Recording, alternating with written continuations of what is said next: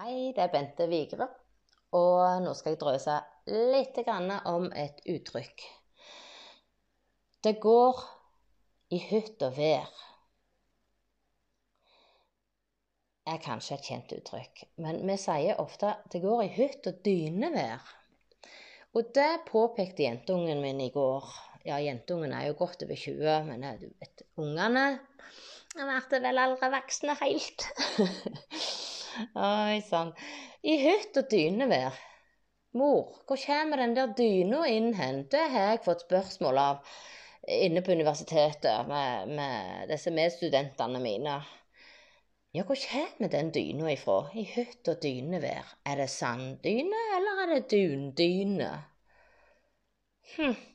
Ja, vet du svaret på dette, så må du jo pike det ta kontakt med meg, for det vet ikke jeg. Men ehm, det går i hytt og dynevær. Det går sånn på halv åtte. Litt sånn ommannitt om.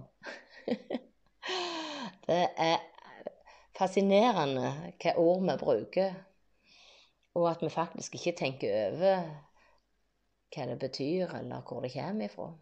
Men eh, nå har iallfall jeg tenkt litt på det, så kanskje du òg kan tenke litt på det. Ta vare på deg sjøl og gjør hverdagen din god. Ha det godt.